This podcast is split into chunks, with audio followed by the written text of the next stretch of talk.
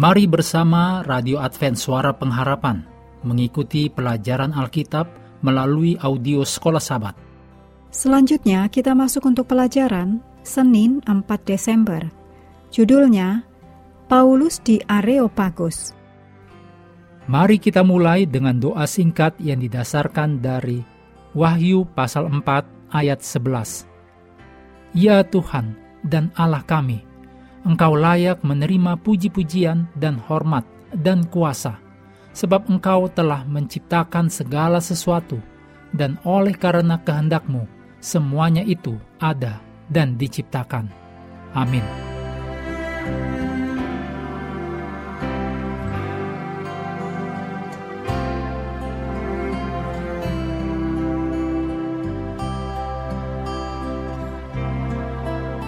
Karena mendapatkan perintah dari Allah, di mana pun dia berada, Paulus akan mengkhotbahkan Injil. Itulah yang benar-benar Paulus coba lakukan di Athena. Dalam kisah para rasul 17 ayat 18-21, terdapat berbagai reaksi berbeda dari orang-orang kafir di pasar itu terhadap ucapan dan pertanyaan Paulus.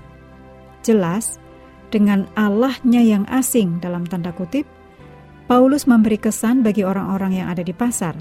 Dicatat dalam kisah 17 ayat 18. Dan mereka pun membawa Paulus ke Areopagus, sebuah tempat di kota itu di mana hal-hal yang bersifat hukum dan agama diputuskan. Walaupun sepertinya dalam situasi ini, Paulus tidak sedang menghadapi pengadilan hukum apa pun. Tampaknya mereka hanya ingin memberikan kesempatan bagi Paulus memperdengarkan ajaran barunya dalam tanda kutip yang dicatat dalam kisah 17 ayat 19 adalah sukar bagi mereka untuk mengabaikan kefasihan, semangat, dan kecerdasan Paulus. Bahkan walau Paulus mengangkat ide-ide yang tampaknya aneh bagi mereka. Kisah para Rasul 17 ayat 21 menyatakan bahwa orang-orang Athena itu tidak melakukan apa pun selain memperbincangkan dan mendengarkan ide-ide baru. Apakah Lukas sedang mengatakan bahwa mereka ini pemalas? Kemungkinan tidak. Lukas lebih kepada sedang menunjukkan bahwa mereka itu adalah para pemikir dan ahli debat yang berpengalaman. Lagi pula seperti yang kita tahu, Yunani menghasilkan orang-orang seperti Sokrates, Plato, Aristoteles, para filsuf yang memiliki pengaruh sampai saat ini. Selama berabad-abad, Athena dianggap sebagai pusat pemikiran filsafat dan intelektual – Walaupun beberapa di antara para pemikir ini bukan ateis, tentu saja bukan dalam pengertian ateis seperti yang kita pikirkan saat ini, banyak gagasan filosofis mereka yang secara radikal berbeda dengan ajaran-ajaran dari kekristenan. Sebagai contoh, adalah sangat sulit untuk menemukan sebuah pemikiran yang berhubungan dengan kebangkitan Mesias dalam filsafat Epikuros dan Stoa.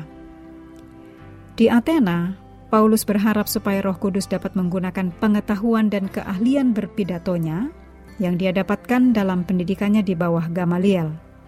Tapi kenyataannya, justru pendidikan yang Paulus dapatkan di jalan-jalan Athena lah yang lebih banyak digunakan oleh Roh Kudus. Berikut ini kutipan Ellen G. White, Alpha dan Omega Jilid 7 halaman 200. Yang paling bijaksana dari para pendengarnya merasa heran saat mereka mendengarkan jalan pikirannya.